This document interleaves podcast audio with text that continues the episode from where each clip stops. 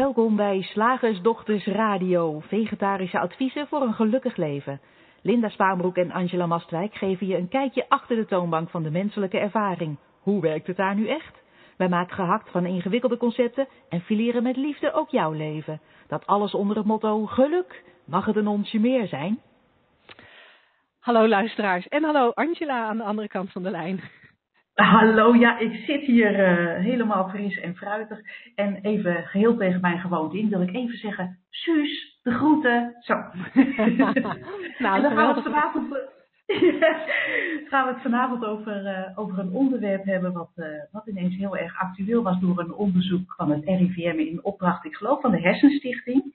Mm -hmm. waarbij het, het resultaat was uh, dat werd deze week gepresenteerd, dat een kwart van alle Nederlanders zou lijden aan een hersenziekte. En daar wilden wij, uh, daar wilden wij iets mee, Linda, of niet? Ja, want in, met name in de, in de reclames die ik erover gehoord heb, er zat namelijk ook reclame omheen om de Hersenstichting te steunen. reclames die ik hoorde op de radio gingen vooral over het feit dat ook depressie en angststoornissen hersenaandoeningen zijn. Uh, en dat, daar, dat er geld nodig is voor, voor meer onderzoek daarnaar. En um, uh, afgelopen dinsdag was er in de wereld draait door ook een item over dit onderwerp, waar, een, uh, waar professor Erik Schreder in de uitzending was. Naam, voor zover ik weet namens de Hersenstichting.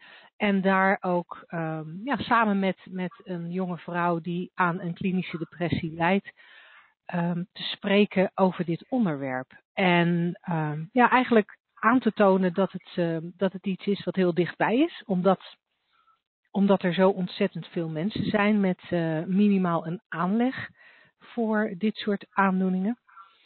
En um, hij gaf ook heel expliciet aan dat, um, dat, dat er eigenlijk voor depressie, want, want de uitzending in de wereld draait door ging vooral over depressie, niet echt een oorzaak in de hersenen te vinden is. Er zijn, er, er, zijn wel, uh, hij, hij, hij, liet wel een, een, studie zien, bijvoorbeeld dat hersenpaden, uh, hij liet plaatjes zien van, van een studie, dat hersenpaden bij kinderen die verwaarloosd zijn, of bij mensen die emotioneel verwaarloosd zijn, dat er andere hersenpaden ontwikkeld zijn uh, dan bij, andere, bij mensen die niet emotioneel verwaarloosd zijn.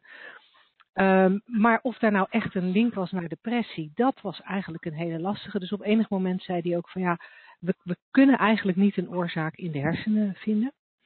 En um, dus we, dus we, en zeker niet een oplossing. um, dus daar is nog heel veel vaag. En daar willen ze graag meer over weten. Professor Schreder is ook een uh, neuropsycholoog. Zo werd hij althans aangekondigd bij de Wereld Draait Door. Dus de, neuropsychologen zijn heel specifiek juist op zoek naar dat neurologische, dat wat er in de hersenen plaatsvindt in technische zin.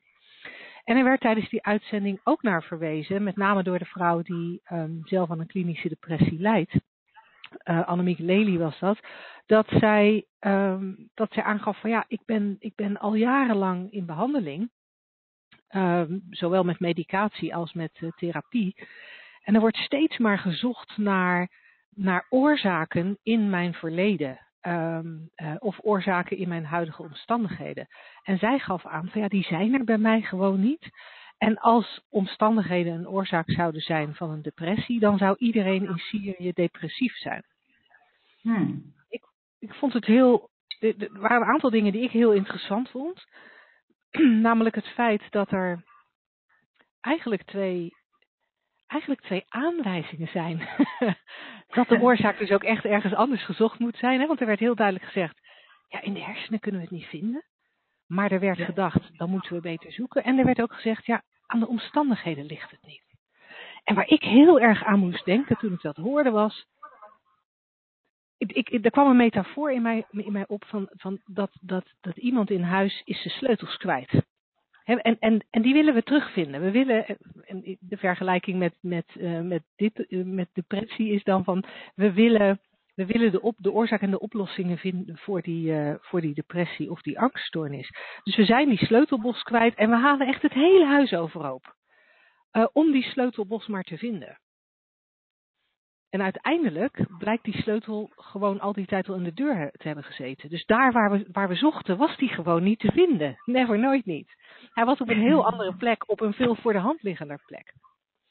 En ik heb het gevoel dat dat bij depressie en angststoornissen precies hetzelfde is. We zoeken, of de wetenschap zoekt, met, met, met de beste wil van de wereld. En, en met, met veel passie en met veel medeleven voor de mensen die, um, ja, die aan dat psychisch leed lijden. Om maar zo'n mooi woord te, te een mooie zin te construeren. Met de beste wil van de wereld is men op zoek naar een, naar een oplossing voor depressie en angststoornissen. Maar we zijn op de verkeerde plek aan het zoeken. Dus daar kun je onwijs veel geld in pompen. Daar kun je, kun je heel veel onderzoek naar doen. Maar wij vermoeden dat we daar die oplossing niet gaan vinden, omdat wij gezien hebben um, en, en, en er veel, veel uh, psychiatrische patiënten, met name in Amerika, geholpen zijn met een heel andere, met een heel andere oplossing. Met zo'n sleutelbos die niet in het huis lag, waar we altijd zoeken, maar, maar gewoon al in het slot bij de deur hing, op de eenvoudigste plek. Ja, dat is mooi. En als het over, over depressie gaat, ook klinische depressie, moet ik direct denken aan een uh, grootheid op het gebied van de Three Principles. In Amerika, psychiater en psychofarmaceut noem je dat geloof ik. Hè? Als je ook heel erg veel verstand hebt van uh, de chemie in je hersenen en hoe dat met pilletjes te regelen uh, zou vallen. Dr. Bill Pettit, waar ik ja, vaak naar geluisterd heb, om, om, omdat dat een van zijn favoriete onderwerp is, omdat hij zelf ook heel lang heel erg depressief is geweest. En uh, als, als uh, hoofd van een uh, hoofdpsychiater van een kliniek waar hij heel lang gewerkt heeft, ehm, was het enige wat hij deed praten met, met de patiënten over waar hun ervaring nou vandaan kwam. Hoe het kwam dat ze zich depressief voelden. Hoe, hoe je als mens eigenlijk psychisch functioneert en wie je in werkelijkheid bent achter al die gedachten die wij zo al entertainen in ons hoofd. En uh, dat is natuurlijk waar je naar verwijst met die sleutels in de deur. Want ik, ik, ik zie ook, uh, als er geschreven wordt door, door psychologen of psychiaters over depressie, dat er ook heel vaak wel gekeken wordt in de richting van ja, ja, het zit in het denken. Dan gaan we soms cognitief ook aan de slag en we moeten iets met die gedachten doen. Die zijn depressief, die zijn negatief, die moeten we ombuigen naar positief. Maar um, geluisterd hebbend naar, naar Dr. Bill Pettit, um, is, is het zelfs nog simpeler. Zit de sleutel, zoals jij dat zo mooi omschrijft, alleen maar in, in het weten, hé, hey, ik denk. En van moment tot moment creëer ik daar een ervaring mee als mens. En het enige wat ik van moment tot moment kan ervaren is dat denken. Wat, wat ons bewustzijn tot leven brengt en, en daarmee uh, onze realiteit schetst. Dus als ik mij de hele dag bezig hou, bewust of onbewust, hè? Niemand, niemand gaat, doet dit voor zijn lol.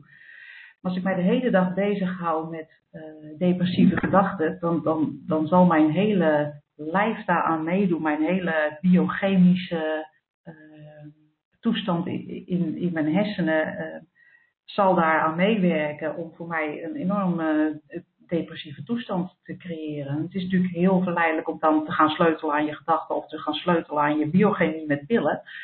Maar teruggaan naar die bron, hé, hey, ik denk als mens en ik kan daar buiten niks beleven. Jij, jij zei ook al van, uh, het kunnen niet de omstandigheden zijn. Blijkbaar de vrouw die in de wereld draait door zat, had ook al in de gaten, ja, um, um, uh, mensen die in Syrië wonen, die uh, dagelijks met, zo kan ik mij voorstellen, met oorlog te maken heb, hebben en, en andere uh, dingen die we als mens niet willen, die zouden dan allemaal depressief moeten zijn als het aan omstandigheden lag. En als het aan je ehm,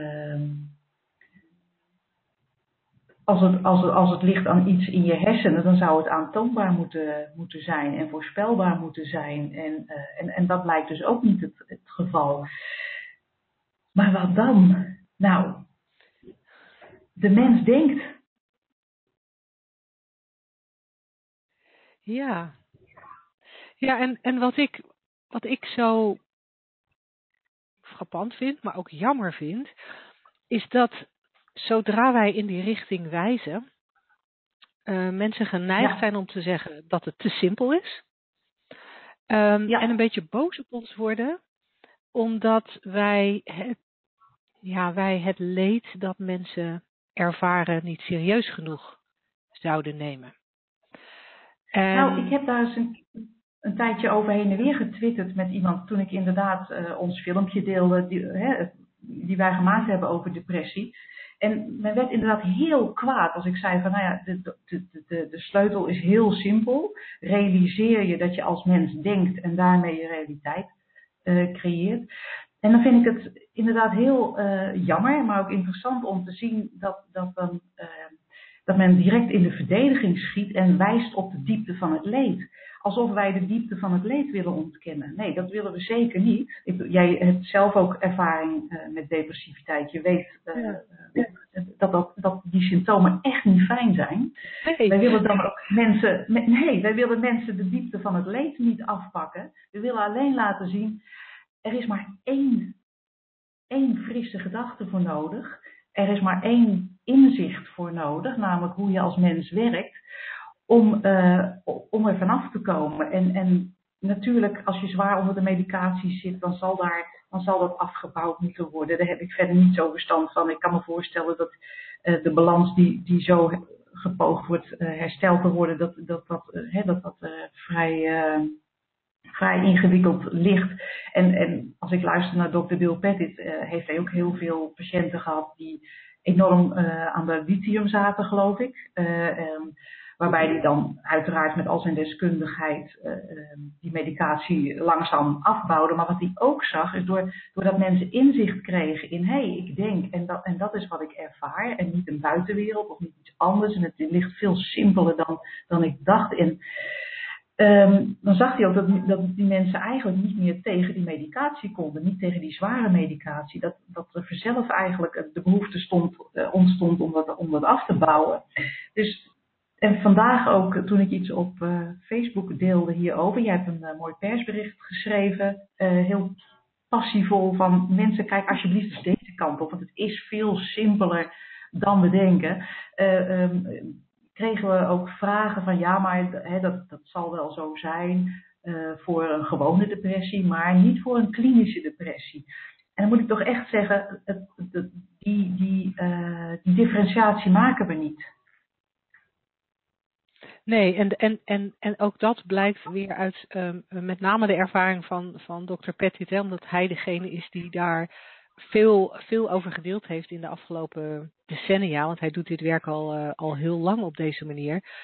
Um, ja.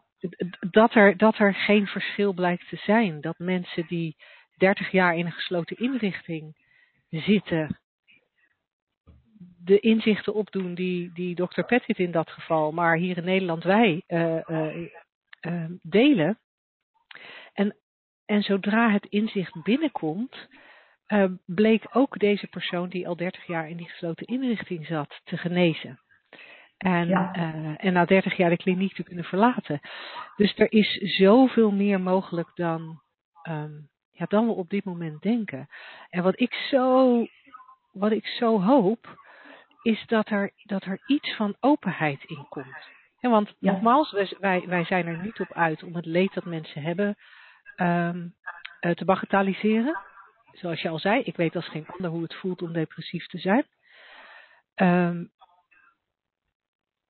maar tegelijkertijd, als, als er nou een oplossing lijkt te zijn, die wij aanbieden op een presenteerblaadje, die, die in, in het buitenland al zijn effect bewezen heeft, die bovendien totaal onschadelijk is. Het is niet alsof we met elektroshocks uh, um, uh, dingen in je hersenen gaan veranderen, want dat is tegenwoordig wat er gebeurt. Hè. Dus de elektroshocks zijn gewoon weer terug om mensen uit okay. de depressie te krijgen. En met elektroshocks ja, maak je gewoon een, een, een een, een, definitieve verandering in de hersenen. En in mijn ogen beschadig je iets. Maar goed, dat is even een privé, um, privé mening.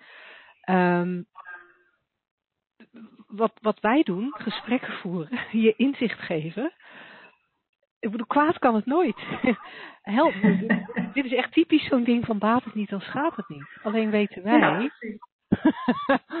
dat als je, als je bereid bent om in deze richting te kijken, dat het altijd verlichting geeft. En als je, als je durft de inzichten toe te laten, dat het genezing biedt. En dat ik zo gaaf vinden. Ik hoop zo ik hoop, en dat was ook een beetje waarom ik, waarom ik dat persbericht vandaag geef. Ik hoop zo dat er ergens een, een wetenschapper is, of misschien wel de hersenstichting. Ik denk dat ik de hersenstichting ook nog ga schrijven. Die, die, die een, een, uh, een wetenschapper die bereid is om het gewoon eens uit te proberen. Laat Angela en mij is, is een week of twee weken met mensen in gesprek gaan. En kijk eens of er wat verandert. Dat zou toch zo mooi zijn. Ja, want als, als we zien dat de, de wortel van alle depressiviteit en van alle, van alle angst en van alle andere uh, ja, psychische aandoeningen, hersenaandoeningen zoals ze nu worden gedefinieerd, wat ik, wat ik absoluut een, uh, een verkeerde definitie vind, maar ook dat is weer persoonlijk. Uh, als, die, de, als we kunnen zien dat die dezelfde wortel hebben. Uh, Dr. Bill zegt altijd mooi, er is maar één psychische ziekte en dat is chronische psychische stress.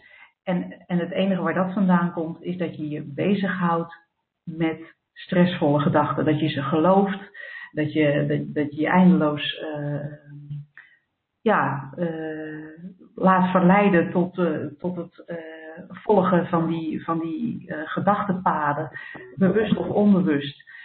want soms zie je ze natuurlijk ook niet, hè? De, de paden die je gewend bent te bewandelen. Je staat s ochtends op en, en, en er is heel even niks aan de hand en hup, daar gaat het brein aan en, en die bewandelt het pad van gisteren. Wat was er ook alweer? Oh ja, ik ben depressief. Ja, en, en toevallig, uh, ik, ik was uh, daar straks uh, op zoek naar een, een onderwerp voor de wetenschap, omdat ik vanavond de wetenschap voor mijn rekening neem.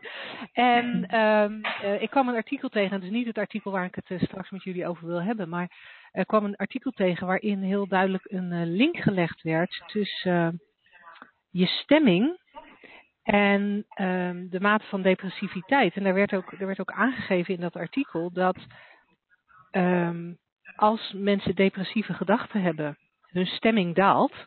En als hun stemming daalt, ze vatbaarder zijn voor meer en uitgebreider depressieve gedachten. En dat is een beetje wat. Ik, ik, ik praat regelmatig over gedachtentreinen. Um, en voor, de, voor ja. onze nieuwe luisteraars uh, leg ik het graag even uit trouwe luisteraars, sorry, daar komt hij weer. um, maar een gedachtentrein moet je je voorstellen dat um, uh, er, er, komt iets, uh, iets in je op. En uh, dat zou bijvoorbeeld nu voor mij in dit geval kunnen zijn. Hm, er ligt een zakdoekje op tafel. Vervolgens komt er een, dat, dat is mijn locomotiefje, het begin van mijn trein. Vervolgens hang ik daar een wagonnetje achter. Oh, ik zie dat er eigenlijk wel heel erg veel spullen hier op tafel liggen allemaal nog niet zo erg, hè? Er gebeurt nog niet zo heel veel met mijn stemming. Vervolgens koppel ik er nog een wagonnetje achteraan. Nou, het is uh, wel weer een zootje. Dat is wel uh, typisch mij, hè? Dat ik uh, niet opruim. En dan komt er nog een wagonnetje. Waarom lukt het me toch niet om mijn huis een beetje beter op orde te houden? En nog een wagonnetje. Um, ik, ik, ben eigenlijk in wel meer dingen niet zo heel erg goed. Maar je hoort al, ik, ik ga een beetje richting de, de, de, negatievere gedachten. Uh, mijn stemming daalt terwijl ik het aan het denken ben. En het is allemaal niet zo bewust, hè? Maar het, gaat, het gaat in razend tempo, dat koppelen van die wagonnetjes. En naarmate mijn stemming daalt, worden de wagonnetjes die ik koppel steeds negatiever. En, en ik weet van mezelf dat als ik in zo'n gedachtentrein stap, zo'n gedachtentrein die mij, uh, ik zeg wel eens naar no, de gedachtentrein naar nowhere, um, die, die, die, die zorgt ervoor dat mijn stemming daalt. En, en uiteindelijk eindig ik altijd bij, als ik mezelf de kans geef, bij wagonnetjes die gaan over het komt nooit wat meer goed. Het is ook niks. Niemand houdt van mij. Waarom zou ik überhaupt uh, nog moeite doen voor, voor wat dan ook? En, ja. en het enige wat er dan gebeurd is, is dat ik, dat ik in een soort visieuze cirkel, zo werd het beschreven in dat artikel eh, wat ik daar straks las, dat ik een, in een visieuze cirkel terechtgekomen ben van lagere stemming, negatiever gedachten, die de stemming nog meer verlagen, waardoor de gedachten nog negatiever worden, waardoor de stemming nog meer verlaagt. En ik vermoed dat de enige echte manier om uit die vicieuze cirkel te komen, is om te doorzien dat, dat dit is hoe je je realiteit creëert. Dat je gedachten hebt, dat je bewustzijn daar emoties, gevoel, geur, kleur en smaak aangeeft, waardoor het echt lijkt en waardoor je bijna niet anders kan dan erin geloven. Maar doorzie je één keer dat dat is hoe het systeem werkt, dan kunnen die gedachten. Dan kan heel veel veranderen. Maar dan krijgen ze nooit meer zoveel vat op je en dan wordt het leven anders. Dan verdwijnt die depressie, dan verdwijnt die angststoornis. Ja, zeker als, als ook, ook daarbij gezien wordt dat je die gedachte nooit bent. Dat het alleen maar een ervaring is in een moment die ook weer zomaar kan veranderen met een andere gedachte. Want ik zie ook bij mensen die bijvoorbeeld in een, in een lichte depressie zitten, wat we blijkbaar allemaal wel eens uh, eventjes hebben. Er ligt maar net aan de definitie die je eraan geeft. Dat die uh, bijvoorbeeld op een feestje echt hartstikke, hartstikke naar hun zin kunnen hebben en dus een, een, een vrolijke ervaring hebben. En dan thuiskomen en weer terugzakken in, in, in, in een depressieve ervaring. Andere gedachten, andere ervaring. En dan denken van ja, zie je, ik ben dus depressief, ook al doe ik af en toe vrolijk. Ja.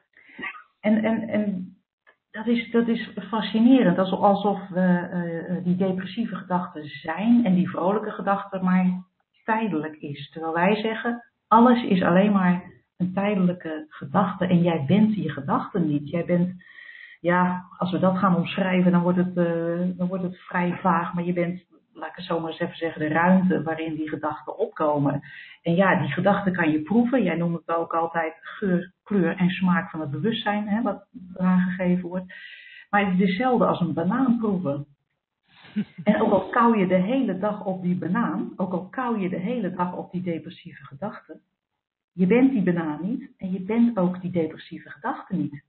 Je bent iets wat daarvoor zit. Iets wat daarvoor zit, wat je soms merkt als je ochtends wakker wordt en even niet die, die, die, uh, die, die, die gedachten uh, nog niet aandacht hebt gegeven of zo. Dr. Bill Pettit heeft daar ook een heel mooi verhaal over, over een vrouw die al, die al heel erg lang depressief was en uiteindelijk bij hem terecht kwam en niets had geholpen, medicatie niet en opnames niet en therapieën niet.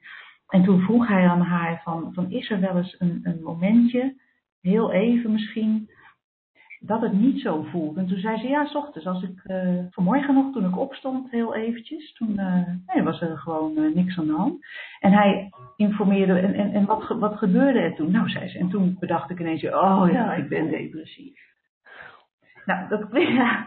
En dat klinkt natuurlijk te simpel voor woorden, maar laten we vooral kijken naar de eenvoud hiervan, van wat wij communiceren. Want oplossingen liggen vaak in de eenvoud en niet in de complexe, complexe materie die wij als mensen ervan gemaakt hebben. Want dat is ook wat we zien gebeuren in de wereld. We maken alles zo complex dat wij van voren niet meer weten hoe we van achter in elkaar zitten.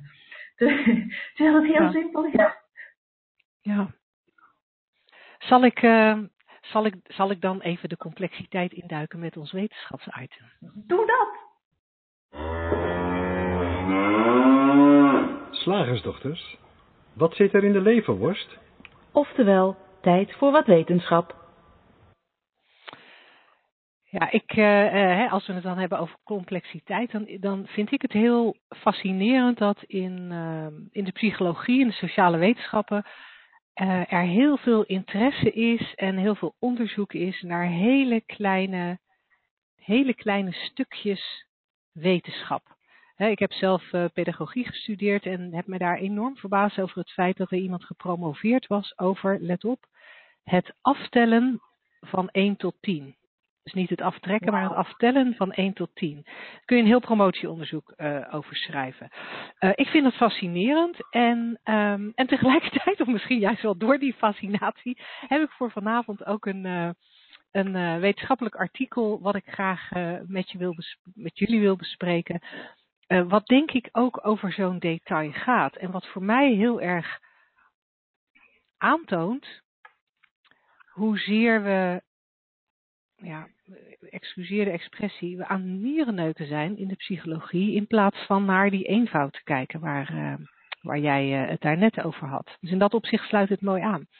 Ik wilde graag uh, kijken met jullie naar het artikel Solving the Emotion Paradox van Lisa Feldman Barrett. Mm -hmm. Zij is verbonden aan het Department of Psychology van Boston College.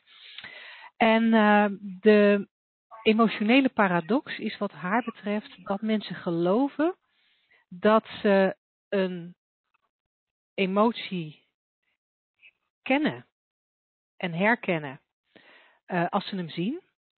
En dat ze als een gevolg daarvan ook aannemen dat emoties um, een soort van tastbare dingen zijn die uh, een soort van, ze, ze, ze, praten in heel veel mits en maar, die je, die je dan uh, met enige vorm van accuraatheid zou kunnen vaststellen. En, en dat is ook hoe wij als mensen met, elkaar, met elkaar praten. Hè? Um, we, hebben we hebben emoties, die ervaren we. En, en zij geeft aan, Lisa geeft aan in dit artikel dat voor veel van ons uh, dat ervaren van die emoties eigenlijk een, een centraal en bepalend aspect is van ons leven. Uh, we, voelen, we voelen boosheid, we voelen verdriet, we voelen uh, uh, angst. En, ehm, en, en wat we met name in de westerse wereld erg doen, is elkaar ook bevragen eh, op die emotionele staat waarin we verkeren. We, we praten oh ja. over onze emoties bij de koffie, uh, de, in telefoongesprekken, bij de therapeut, uh, met collega's. En, en we hebben dan als mensen het idee dat, dat het ervaren van die emotie ons, uh, ja, dat dat, dat, dat leidt tot, tot introspectie en tot toegang tot die emotie zelf. Hm. En, en we ervaren emotie uh, bijna als, uh, we voelen het bijna net zo erg als wanneer we, als, als, als, we honger ervaren. We voelen het net zo lichamelijk in veel gevallen als, als bijvoorbeeld honger. Um, nou, in dit, in dit artikel wil zij heel graag uh, verder kijken naar van, ja, is, is het nou zo, zo vaststaand? zijn die emoties nou zo duidelijk als we, als we zeggen? Um, en, en zij zegt eigenlijk van ja, wat we, wat we gezien hebben in de historie van uh, de psychologie, als dat, is dat er vrij veel um, notenswaardige voorbeelden zijn van, um, van het feit dat de psychologie een soort voortgang heeft geboekt of een, een ontwikkeling heeft doorgemaakt van denken dat een bepaald psychologisch fenomeen echt een, een, een, een entiteit is. Mm -hmm. uh, maar dat er, dat er een soort uh, evolutie geweest is naar, naar meer en meer herkennen dat het een soort fenomenen zijn die verschillen in de context waarin ze plaatsvinden. En zij geeft dan okay. bijvoorbeeld als voorbeeld dat uh, we hebben zoiets als herinneringen. En er is echt mhm. niemand die zal ontkennen dat herinneringen bestaan. Maar waar we vroeger dachten dat een herinnering een vaststaande entiteit was, zoals een computerfile uh, op, je, op je computer, hè, dat, het, dat het als een soort computerbestand in je, in je uh, hersens was opgeslagen en uh, uit dat bestand, uit, die, uit dat brein gehaald kon worden waar je het nodig had, weten we nu dat er, dat er niet een plek is in het brein waar, waar de herinneringen worden opgeslagen. Het is niet een, een entiteit. Um, ja, je kunt herinneringen hebben, um, maar die hoeven helemaal niet accuraat te zijn. En, en het kan ook nog eens zijn dat die herinnering wijzigt over tijd. Ja. Dus dat is wel een dat... hele interessante, want er zijn natuurlijk heel veel uh, therapieën ook die, uh, die erop gericht zijn om herinneringen neutraal te maken of om herinneringen van negatief naar positief om te buigen. Mm-hmm. Dus, dus eigenlijk wat dit onderzoek zegt is dat je, dat je dan uh, iets, iets wat van zichzelf niet vaststaat en niet ja, nergens in het lichaam zit, Mhm. Eh, dat, dat je daarmee aan de slag gaat. Ja, precies. En, en zij geeft dan dat voorbeeld van, van uh, herinneringen, waar dat al duidelijk aangetoond is. Maar ze geeft aan, ja, bij emoties geloven we wel nog dat dat een, een vaststaande entiteit is. Oh, ja. um, maar inmiddels is duidelijk dat dat, dat, dat uh, of tenminste zij, zij doet er een pleidooi voor, dat uh, emoties waarschijnlijk, net als, als herinneringen, helemaal niet zo'n zo'n vaststaand ding zijn. Um, en ze geeft er. Um, ja, ze geeft er een aantal verklaringen voor. Ik weet niet of ik dan te diep het onderwerp in ga, zeker ook gezien uh, de tijd uh, die we hebben. Maar ze, ze, ze, ze, verwijst naar een aantal,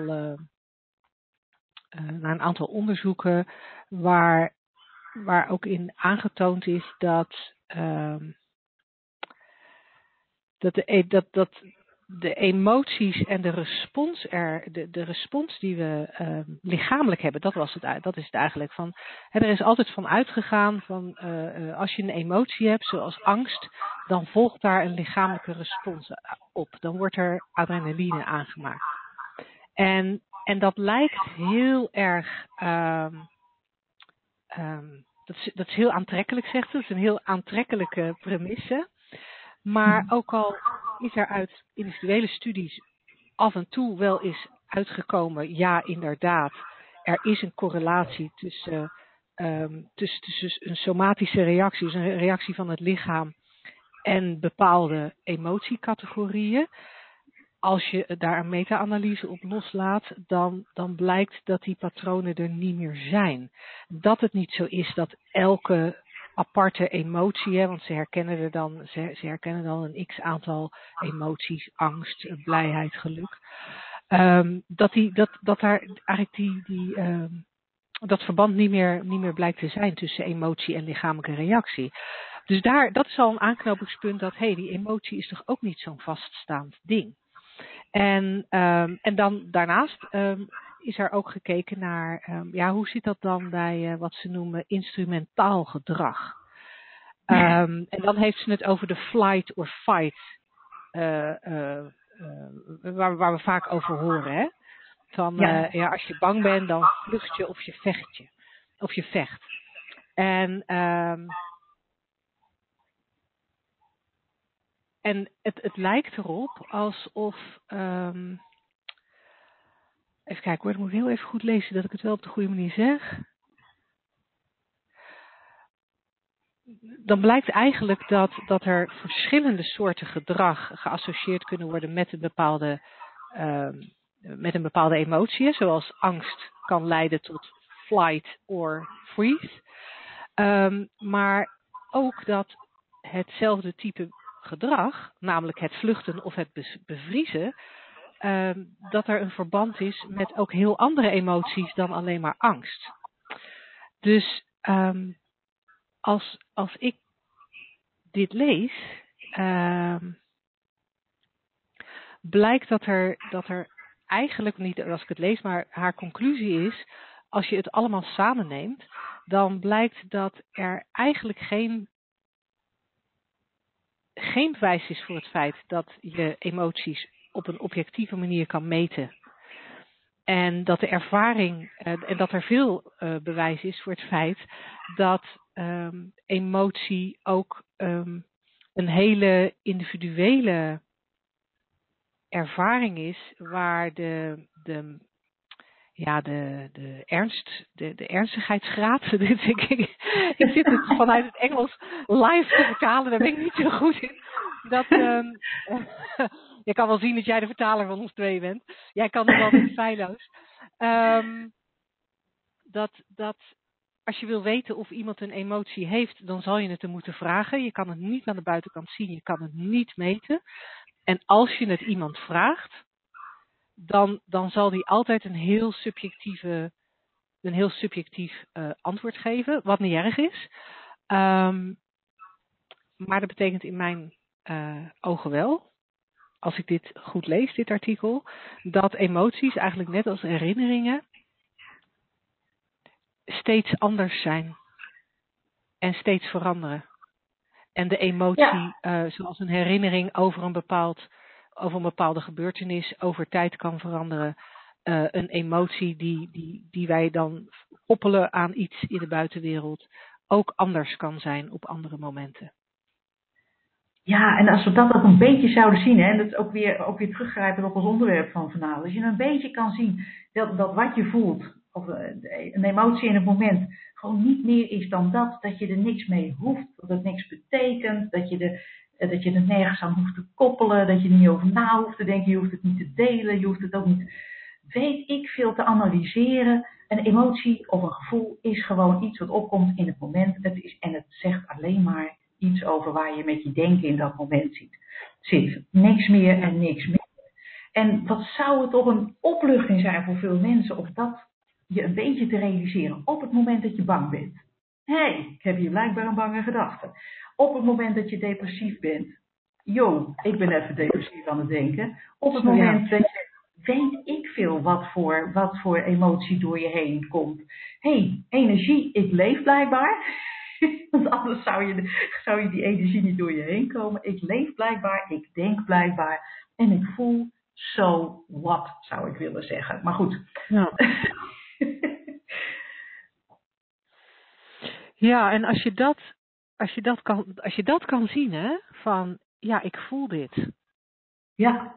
Maar het is tijdelijk, want gedachten zijn altijd tijdelijk. Zeker als je ze niet vasthoudt, maar ze gewoon hun gang laat gaan dan, dan drijven ze als wolken voorbij. En tuurlijk, er zijn wel eens bewolkte dagen. Weet je, vandaag was ook zo'n dag dat, ik, dat, je, dat je in ieder geval hier in Soest afvraagt: bestaat die zon nog wel? maar we weten allemaal, ja, die zon bestaat. Dus we doen niet zo heel veel met die wolken. We mopperen misschien heel eventjes, potverdorie zeg, weer een, uh, weer een, uh, een, een, een, een sombere dag. Um, zoals ik, als ik, want ik stap nog wel eens op een, op een uh, gedachtentrein met, met sombere gedachten. En dat vind ik niet het allerleukste. Het is niet de leukste trein die voorbij komt. Maar op het moment dat ik er, dat ik er dan toch weer ingestapt ben, toch weer een kaartje gekocht heb, dan weet ik wel als ik op die, op die, in die trein zit van ja, nou ja, ja, oké, nee, ik, ik, ik ben er toch weer ingetrapt. Ja, nee, toch dat kaartje weer gekocht voor de, voor de somberheidstrein. Maar dan weet ik dat het voorbij gaat. En misschien niet zo snel als ik wil, hè, want ik wil natuurlijk het liefst dat het binnen drie minuten over is. En soms wordt, duurt het wel eens drie uur. En ik heb uh, uh, uh, kort geleden ook een, een, een, een, periode gehad dat het vijf dagen duurde. Voordat ik weer van die trein af ben.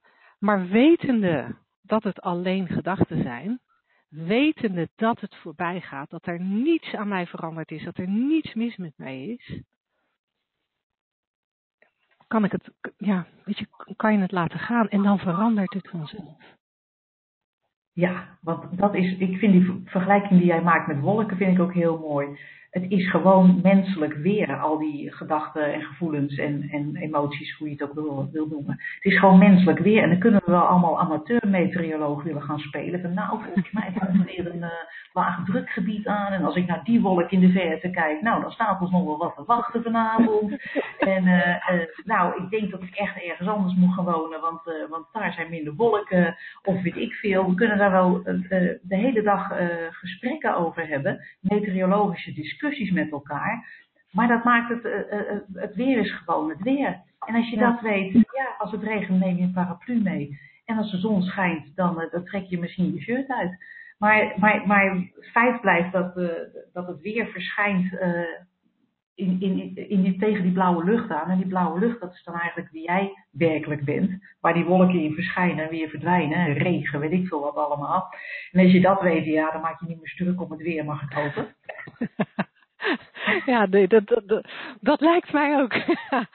hey, als, er, als er luisteraars zijn die, uh, die, die nu denken van, oh ja, dit is, dit, dit, is toch wel zo interessant, daar zou ik meer over willen weten. Zeker die connectie met uh, angst en depressiviteit. We hebben op uh, 15 december een introductieklas, zoals we hem genoemd hebben. Die introductieklas Breaking Bad. Het doorbreken van burn-out, angst en depressie. en dan gaan we een dag lang dieper in op waar we het vandaag in deze radio-uitzending over hebben. Um, Ja, het is een prachtige introductie op wat er mogelijk is uh, op het gebied van het voorkomen en genezen van burn-out, uh, angst en depressie. Dus als dat iets is waar je belangstelling voor hebt, ga dan alsjeblieft naar shiftacademy.nl en uh, kijk onder het kopje trainingen in onze navigatiebalk. Dan vind je Breaking Bad ehm, heel makkelijk terug. En um, als je gewoon wil lachen, zonder al te veel hele diepe toestanden, kom dan naar onze theatershow op 17 december. En ook daarvoor, uh, kan je de, daarover kan je de informatie vinden op shiftacademy.nl. Zeg, slagersdochters, hoe bak ik die vegaburger? Over naar de luisteraarsvraag. Angela, we hebben een Ja. probleem. Vertel. We hebben namelijk uh, twee luisteraarsvragen en nog een concept en nog 18 minuten radioshow. Ik stel voor dat we de twee vragen doen en het concept voor deze keer laten zitten.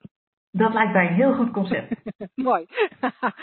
Dan uh, wil ik heel graag uh, beginnen met de vraag van Hilda. En um, zij zegt, ik heb net de eerste aflevering vanaf jullie nieuwe stek in Soest beluisterd. Inspirerend weer. Ik denk dat zij bedoelt onze uitzendingen bij Radio Eemland. En ik heb een vraag die misschien meer luisteraars herkennen, sinds ik door jou Linda besmet ben geraakt met het bewust worden van je onware gedachtenvirus. Tegelijk, het, het laat me niet meer los, dat virus. Tegelijkertijd merk ik dat, als ik er niet regelmatig mee bezig ben, ik weer heel automatisch in mijn oude gedachtegewoonte beland. Wat helpt is regelmatig luisteren naar de podcast. Dat vinden jullie wel leuk waarschijnlijk, maar hebben jullie een tip, iets wat ik dagelijks kan doen om dit bewustzijn met regelmaat te blijven voeden? ja, dat, dat, dat is leuk. En het is natuurlijk heel verleidelijk om te zeggen, nou, we brengen binnenkort een boek uit. Het mag ook Ja. makkelijk, lees dat elke dag. En eh, elke dag moet je natuurlijk ook op- op onze site ons nieuwste blog lezen. hè, Want we publiceren er echt zes dagen in de week één. We hebben een eh, YouTube kanaal vol filmpjes. Maar zie ook kan een je gat nou in de markt. Een gat in de markt. Ja. Een, een scheurkalender. Een slagersdochter scheurkalender. Oh, dat klinkt leuk. Dat klinkt leuk. Ja, dat je ochtends eh, gewoon op het toilet al ziet wat eh, iets inspirerends voor de dag. Maar waar het om gaat natuurlijk is dat je, dat je er de aardappels mee kan eh, schillen, zoals ik dat altijd noem. Van, van oké, deze kant op kijken, hartstikke leuk. Maar nu gebeurt er dit in mijn leven, gebeurt er dat in mijn leven. En dan raak ik het weer helemaal kwijt. En eigenlijk, ehm Hilda, hebben we die gewoonte allemaal een, een, een beetje. Als we heel erg gewend zijn, opgevoed zijn met, met de hele dag, elke dag over het weer kletsen. En we snappen niet dat wij de blauwe lucht erachter zijn en dat de zon altijd schijnt. Dan is het heel verleidelijk, ook omdat iedereen om je heen dat doet, om maar constant weer te klagen over het weer, het te hebben over het weer. Eh, ehm, zo- zoals wij net zeiden, eh, de, de hele dag meteorologische conversaties te hebben en, eh, en, en, en, en daarin te duiken. En ik denk ehm, dat, het, dat het, als je deze kant op blijft kijken, dan is het gewoon bijna onvermijdelijk, zou ik willen zeggen, dat er op een gegeven moment voor jou een inzicht komt. Spe- niet een inzicht van Linda of een inzicht van Angela of een inzicht wat je eh, leest uit een, uit, een, eh, uit een blog van ons, van Pauline bijvoorbeeld. Maar een inzicht wat helemaal voor jou helderheid betekent. En dat kan heel simpel zijn. Hè? Het hoeft niet een, een, een, een, wereld eh, levensveranderende onthulling te zijn, gepaardgaande met engelengezang en, en, sterretjes eh, in je hoofd. Maar iets heel simpels. Oh, ja, en ik kan, ik kan natuurlijk niet voorspellen wat dat voor jou is, Hilda. Want, want ik weet niet wat er voor jou te zien is, maar ik weet wel dat er iets te doorzien is als je denkt van, ik verlies het af en toe. Of, of hier zie ik het nog niet. Of eh, ik zou me hier de hele dag wel van bewust willen zijn. En het, het, het- enige wat echt, eh, wat, gewoon handig is, is dat je deze kant op blijft kijken. En voor mezelf vind ik het altijd heel fijn dat als ik, als ik iets, als ik bijvoorbeeld angst voel, ja, te weten dat ik daar niks mee hoef. Omdat ik me gewoon heel snel realiseer, nou, blijkbaar geloof ik hier iets. Blijkbaar eh, geloof ik hier een, een angstige gedachte. Maar het is niet erg. Het is niet erg. Ik was vandaag even, ik, ik belde met iemand en ik moest huilen. Ik was verdrietig, maar ik weet dat, ik, dat dat niet erg is. Je bent een mens en je hebt emoties. En als ik verdrietig ben, heb ik blijkbaar verdrietige gedachten in dat moment. Ik zou bijna zeggen, so what? Um, um, um, is al tweede keer vandaag, jou... Angela. Wat zeg je? Het is al de tweede keer vandaag dat je so what zegt. Oh ja, nou misschien is dat mijn inzicht voor vandaag. So what? uh, maar dat wil niet zeggen dat dat voor, uh, voor, uh, voor Hilda een handig inzicht is. Die zal voor haarzelf iets, zal er iets te, te zien zijn zoals er voor ons allemaal iets te zien valt. En zoals het voor ons allemaal, ook voor Linda en voor mij, steeds dieper te zien is. Of steeds vaker of steeds sneller te zien is van wow, je zit in een lijf, je hebt emoties en gedachten die zijn met elkaar één op één verbonden. En what a ride. Ik ga weer Engels praten. Wat een, wat een uh, uh, eigenlijk een geweldig systeem is het dat je dat allemaal mee kan maken. En, en ik snap dat, je, dat, dat, er, dat er emoties zijn die je liever niet wilt. Maar ja, uh, het regent ook wel eens. Dat hoort er allemaal bij. Maar wetende dat, dat jij die blauwe lucht erachter bent en dat de zon altijd schijnt. Dat jij gewoon de ruimte bent waarin dat allemaal verschijnt. Ja, uh, hoef je eigenlijk ook helemaal niet uh, druk daarom te maken. En dat is niet als een instructie voor Hilda, maar wel als iets wat ik voor mezelf zie. Van het, maakt niet, het maakt echt niet, niet uit hoe ik, me, uh, hoe ik me voel, want ik weet wat het is. Ik weet welk systeem er aan het, aan het, aan het werk is. En um, ja, dus dat. Er is nog wat ja. meer te zien. Ik ben benieuwd. Ja.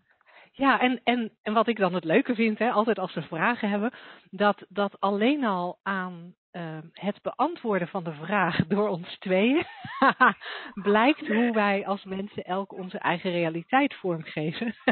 Want ik heb op basis van de vraag van Hilda een aantal heel andere gedachten dan jij. Ik ben het helemaal eens met, ik ben het helemaal eens met wat je zei, hè? zonder meer. Zonder meer. Alleen als jij er niet geweest was en ik de vraag in mijn eentje had moeten beantwoorden, dan zou, dan, dan zou ik over iets anders begonnen zijn. Dan zou ik namelijk begonnen zijn over het feit dat Hilda vraagt om, om iets wat ze dagelijks kan doen. En, ja. en dan denk ik, oh Hilda, je wilt er een taakje van maken. uh, Hilda heeft behoefte aan een extra taakje in haar leven. Uh, dat hoeft niet. Het feit dat, je, dat er iets te doen is, is. Dat was, dat was een van mijn grotere inzichten. Het inzicht dat er niets te doen is. Ja, wel zo'n beetje praktisch. Weet je, als ik wil eten, moet ik eten koken. En als ik het in mijn hoofd krijg dat ik graag wil dat, dat mensen uh, zien dat depressies uh, en uh, wel degelijk opgelost kunnen worden, dan schrijf ik een persbericht. Omdat dat in het moment in mij opkomt. Maar ik heb wel het inzicht gekregen dat allerlei taakjes bedenken waar, en, en, en redenen voor verzinnen waarom ze belangrijk zijn. Uh, en ik was er altijd heel goed in hoor. Um, dat, dat, dat, dat dat niet nodig is. Er is altijd veel minder te doen dan je denkt. En dat geldt zeker uh, voor de inzichten die wij met je delen. Um, en, en, wat mij ook aan de vraag opviel, dat vind ik ook leuk om nog even op in te gaan, is um, dat het lijkt alsof Hilda op zoek is naar een betere manier dan hoe ze het op dit moment doet. Dus het lijkt alsof Hilda zichzelf tegen de meetlat uh, afzet.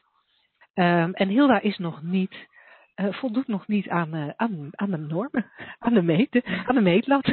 Hilda krijgt nog een onvoldoende van zichzelf. en um, zo, zo komt het over aan Hilda. En ik, ik, durf, ik durf er zo over te praten, want Hilda en ik elkaar goed kennen. Dus ik, ik weet dat ze dit. Uh, uh, dat ze de liefde die ik er in, in de, waarmee ik dit zeg ook, ook kent en herkent. Um, er is niet een betere manier. De manier waarop je het nu doet, de manier waarop het nu gaat, is, is de goede manier. Um, en, en er is ook niet, wat mij betreft, zoiets als, als uh, onware gedachten die je allemaal moet herkennen. Um, zo lijkt het misschien wel als wij erover praten. En ja, het kan heel zinvol zijn om te herkennen dat, uh, dat gedachten niet waar zijn. Um, maar als je het nog een stapje dieper neemt, dan kom je, dan kom je op wat, wat Angela eerder al besprak.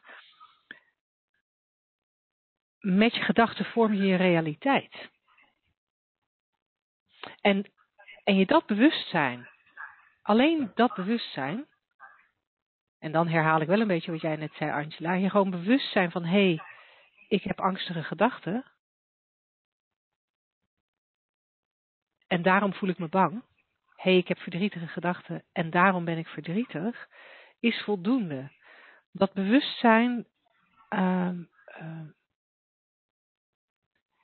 zal ervoor zorgen dat je op termijn steeds, steeds makkelijker van gedachten wisselt. Dat de wolken steeds vloeiender voorbij uh, waaien en je steeds minder en steeds korter uh, vastzit in een gevoel wat, uh, wat niet zo prettig is. En wat voor mij een, een fijne graadmeter is, niet om als een dagelijks taakje te doen, um, maar is om, om bij mezelf. Som, ik, ik, er zijn momenten waarop ik me er bewust van ben dat ik, dat ik mezelf weggedacht heb van een goed gevoel. En wij gaan ervan uit dat een goed gevoel, welzijn, oké zijn, een gevoel van thuis. Iedereen omschrijft dat op een andere manier. Maar een aangeboren welzijn, dat dat altijd in je zit, dat dat je default setting is. En de enige reden waarom ik, waarom ik dat goede gevoel niet heb, is omdat ik me erbij wegdenk. Dus als ik me niet fijn voel, wil het mij nog wel eens helpen om me dat te realiseren. Ah, ik denk mezelf weg bij mijn goede gevoel. En meer en meer en meer merk ik dan dat de gedachtenstorm of de gedachtentrein daarmee tot een vrij abrupt stilstand komt. ik moet dan ook denken aan zo'n dus een heel grappig filmpje dat, uh, dat al, al, al tijdenlang rondwaart op internet over een, uh, een, een, psycholoog die uh, iemand op bezoek krijgt die, die een flink aantal problemen op tafel wil leggen. En bij elk probleem roept hij keihard stop it. Dat is al een heel oud filmpje inderdaad, ja. ja, en dat is, en dat is natuurlijk, ja, ja, daar kan je van denken, nou ja, die man die, die neemt het helemaal niet, niet serieus, maar, maar daar zit wel een soort, soort, ja, voor mij diepere boodschap achter van, uh, precies zoals jij het uitlegt, zodra ik merk dat ik op de trein zit, ja, kan ik dan, dan, dan is het eigenlijk log, niet logisch om, om, om erop te blijven zitten. Dan is het eigenlijk een soort, soort stop-it. dan, dan, dan stap, je er, stap je er weer uit. Maar dan moet je natuurlijk wel even realiseren. En, en dat is, uh, nou ja, dat zei ik net ook al, het gaat steeds sneller en steeds makkelijker. Uh, hoe, uh, dieper je dit ziet of hoe, ja, het is ook niet een kwestie van hoe lang je ermee bezighoudt of hoe vaak je ermee bezighoudt. Want je kan in één klap uh, het he ja, een inzicht krijgen wat, wat, wat je hele leven verandert. Dat zou kunnen. Bij de meeste mensen is dat niet zo en dan gebeurt het stapje voor stapje en, uh, en, en schieten we nog wel eens uh, terug. Dat geeft allemaal niks.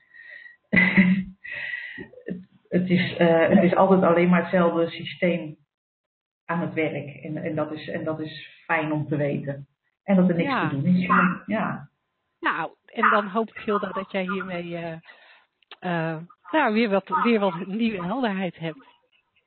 Uh, dan wil ik heel graag over naar de tweede vraag van vanavond. en dat is een vraag van Yvonne.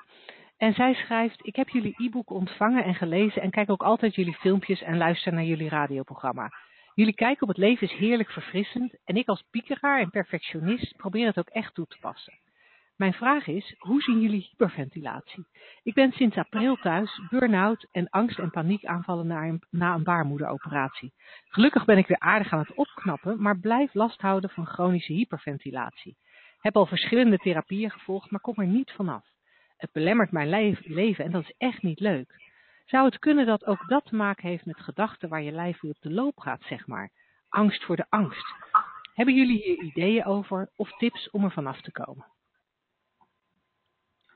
Ja, een hele mooie vraag. Ja, cool hè? En ik, ja, ik ben wel eens, ik, ik, ik wil de privacy van degene over wie ik het heb waarborgen, dus ik noem het gewoon iemand. Ik ben wel eens in de aanwezigheid geweest van iemand. Goh. Mm. Die, uh, uh, die, die op een gegeven moment besloot van, oh nou ja, ik ga de dingen anders doen. Of er moeten dingen veranderen. En, uh, op dat, en dat was eng. Dat waren, dat, daar, daar waren enorm veel bange gedachten omheen. En ik zag, terwijl ik, daar, terwijl ik toekeek, eigenlijk uh, de onrust toenemen. Steeds meer gedachten in dat hoofd ontstaan. Steeds meer fysieke onrust ontstaan. En dat culmineerde uiteindelijk in een, in een enorme hyperventilatieaanval met, met, met vreselijke fysieke verschijnselen. Uh, ik heb het nooit zelf meegemaakt, uh, maar ik, ik zag ook inderdaad, nou ja, dat was, dat was pijn en, er was hartkloppingen en, en geen gevoel meer in de benen. En, en dat is echt afschuwelijk om, om te zien, dus het moet afschuwelijker zijn om mee te maken. Maar het was wel, omdat ik daar zo de, toeschouwer van was, zag ik echt duidelijk een opbouw daarin zitten. En, en misschien is het voor Yvonne niet meer zo heel duidelijk wat de opbouw is, omdat een heel groot gedeelte van onze gedachten natuurlijk onbewust plaatsvinden. Maar het, het, kan nooit iets anders zijn dan, dan een, een heb jij een mooi woord, een ander een eenvoudiger woord voor culminatie? Ik weet het niet, maar in ieder geval een, een, een opbouw. Een verzameling gedachten. Ja, die, die dan tot, uit, tot uiting komt inderdaad in zo'n, uh, in, in, op een fysieke manier met, uh, met hyperventilatie. Dus ja, daar, daar, daar zit inderdaad hetzelfde systeem achter. En Linda, jij hebt het ook al eens meegemaakt, hè? Mm Alleen toen dachten ze dat het een hartinfarct was, dus toen hebben ze me in een ambulance gelegd. Ja, precies. dus, uh, ook even de illustratie van hoe heftig uh, die, uh, de fysieke uiting daarvan kan zijn. Ja. dat men inderdaad denkt dat je hartaanval hebt en, en, en, daar onderzoek naar, naar doet. Maar ongemerkt zijn er, spe, spelen er blijkbaar heel veel stressvolle gedachten die op deze manier tot uiting komen. En eigenlijk tips geven doen wij niet. Dat, is, dat is helemaal in tegenspraak met, uh, met wat wij vertellen. Uh, in de drie principes zoals wij die communiceren zit geen enkel advies. Alleen zeggen wij, je, je, je leeft en je beleeft je gedachten in elk moment. En daarachter zit, zit eigenlijk, zit, ben je geworteld in een universeel ja, universele levensenergie, universele bewust, universeel bewustzijn, waar nooit iets mee aan de hand is. En, en ja, dat, dat kun je voor jezelf gaan zien. Hè? Niet, niet omdat, je, omdat je dit als, als uh, intellectueel, als waarheid aanneemt, maar omdat je dat echt diep gaat voelen als je hierover in gesprek raakt, in gesprek blijft. Als je deze kant op uh, blijft kijken, dan kan je dat echt, echt gaan voelen. Oh, er is nog iets, iets achter die gedachte. Er is iets, uh, ja, er is, er is, daar zit ruimte in. En in, daar, daar, is, daar kan een enorme ontspanning in ontstaan, waar, waarin je misschien nog wel uh, veel stressvolle gedachten een zwaar neemt, maar uh, misschien de, dat die veel minder effect al op je hebben. En uiteindelijk kan dat natuurlijk dat, dat ja, dat, dat dat niet meer zo ver doorslaat dat je er fysiek ook zo'n zo'n last van hebt. Ja. Nou, wat ik interessant vind, is dat Yvonne, Yvonne eigenlijk haar, eigenlijk de vraag zelf al beantwoordt, hè? Ja. Ze zegt, zou het kunnen dat dat te maken heeft met gedachten waar je lijf mee op de loop gaat? Ja. En, en dat, is, dat is precies wat er gebeurt. Niet alleen bij jou, Yvonne, terwijl je hyperventilatie hebt, maar bij ieder van ons. We hebben gedachten en ons bewustzijn, daar komt hij weer. het Special Effects Department uh, geeft er geur, kleur en smaken aan. Uh, het bewustzijn zorgt voor, voor wat wij als emoties herkennen. En die emoties die hebben heel vaak een, een, een, die hebben effect, effect op ons fysiek. emoties zorgen voor, voor de aanmaak of de verstoring van, van onze hormonen, van hormonen of de van aanmaak van hormonen of de verstoring van onze hormoonbalans. Um, uh, we kunnen, uh, hè, als je angstige gedachten hebt, word je, word je sowieso al kortademig. Ik weet niet helemaal zweten. wat daar de fysieke achtergrond van is, maar je gaat inderdaad ook zweten. Um, en je kan je voorstellen dat als die, die angstige gedachten erger worden, dat de fysieke reactie ook erger wordt. En ik zou me zomaar voor kunnen stellen uh, dat dat is wat er bij hyperventilatie gebeurt. Maar wel, precies zoals Angela zei, veel van die gedachten bevinden zich niet in ons blikveld. Daar zijn we ons niet van bewust. Omdat het onbewuste gedachten zijn, of omdat het gedachten zijn waar we zo aan gewend zijn. En die we zo reëel vinden en zo waar vinden, dat we niet eens ons realiseren dat we er, dat ons bewustzijn er, er die, die fysieke reactie bij geeft. En nogmaals, we hebben die fysieke reactie allemaal. Hè?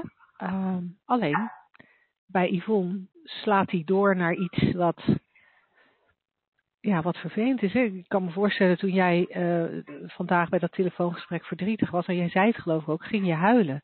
Huilen is natuurlijk ook een, dat is ook een fysieke reactie op, uh, op gedachten. Jij had verdrietige gedachten, je bewustzijn maakte daar een, een, een, een, een ja, een extra sneuwe film van. Uh, ja. en, en, en, en dus reageerde jouw lijf met tranen en misschien wel andere fysieke uh, ja. dingen. En, en het is en zo fijn om te weten dat dat het enige is wat er aan de hand is. Ja. Ja. En, en het interessant, wat ik, wat ik interessant vind, ik heb de vergelijking wel eens vaker getrokken. Uh, ik, ik heb een hondje en ik vind het super interessant om te zien dat die een emotionele reactie kan hebben, een fysieke emotionele reactie. Weet je, het, is, een halve chihuahua, dus die doet, hij doet aan trillen als hij bang is. Kan hij heel erg trillen als hij bang is. En, en dat je echt denkt, jongen, zometeen wiebel je van je pootjes af, zo erg trilt hij dan. Het moment is voorbij. En, en nou ja, blijkbaar houden honden hun gedachten niet vast. En het trillen stopt en hij loopt weer verder. Of hij loopt eerst verder weg bij die enge grote hond vandaan en, en stopt vervolgens met trillen. Maar hoe dan ook, bij hem zie je heel duidelijk van hé, hey, er is een fysieke reactie. En hij zit hem uit of zo. Ja, je ziet dan ook bij. Ja, je ziet bij honden ook vaak dat ze dan even zo schudden met hun lijf. Mhm. Als er even een, uh, zo'n zo'n zo'n reactie is geweest en dan schudt dat hele lijfje. ik zeg lijfje, want ik zie jouw hondje voor me. En, en, en dan weer vrolijk verder, alsof ze het letterlijk van zich afschudden, die, die, uh, die, die, die uh, gedachte en reactie. Ja, en daar zijn wij als mensen slechter in, omdat we op de een of andere manier hebben aangeleerd dat we dingen vast moeten houden en dat we ja. fysieke reacties fysieke reacties ook serieus moeten nemen en daarnaar moeten mhm. luisteren of daar iets mee moeten. We moeten het voorkomen of we moeten daar, ja, dat weet ik veel. Uh, we moeten het als een signaal zien. Ja. Uh, maar wij zouden het ook even kunnen uitzitten, wachtend tot, de, tot, er andere gedachten zijn. Mm. Ja, dat doen, we ook als we, dat doen we ook als we twee zijn, hè? Ja. Ja. ja, dan geven we ook uiting vaak fysiek ook uh, aan, een emotie, schreeuwen, gillen, huilen, weet ik veel. Of juist hysterisch lachen. En, en in een volgende moment kan dat zo weer uh, uh, ja, een andere emotie met een andere fysieke uiting zijn, zonder dat er geanalyseerd wordt of vastgehouden wordt, zoals jij inderdaad opmerkte. Dat is een hele, een hele goede. Nou, dan hoop ik dat wij daarmee uh, de vraag van Yvonne uh, voldoende hebben beantwoord. Yvonne, zo niet, uh, schroom dan niet om je vervolgvraag toe te sturen aan vragen.shiftacademy.nl. En, en dat e-mailadres is uiteraard ook ehm, bereikbaar voor al onze podcastluisteraars. We ontvangen heel graag je vragen, je dilemma's, je ja-maars um, in onze inbox vragen at shiftacademy.nl. En dan gaan we daar in een van onze volgende uitzendingen mee aan de slag. Ja, leuk! Daarmee zijn wij aan het eind van deze uitzending gekomen. Uh, dankjewel alle live luisteraars uh, voor het live aanwezig zijn. Uh, dankjewel podcastluisteraars voor het naderhand luisteren. En heel graag tot de volgende keer. Tot dan! Doeg!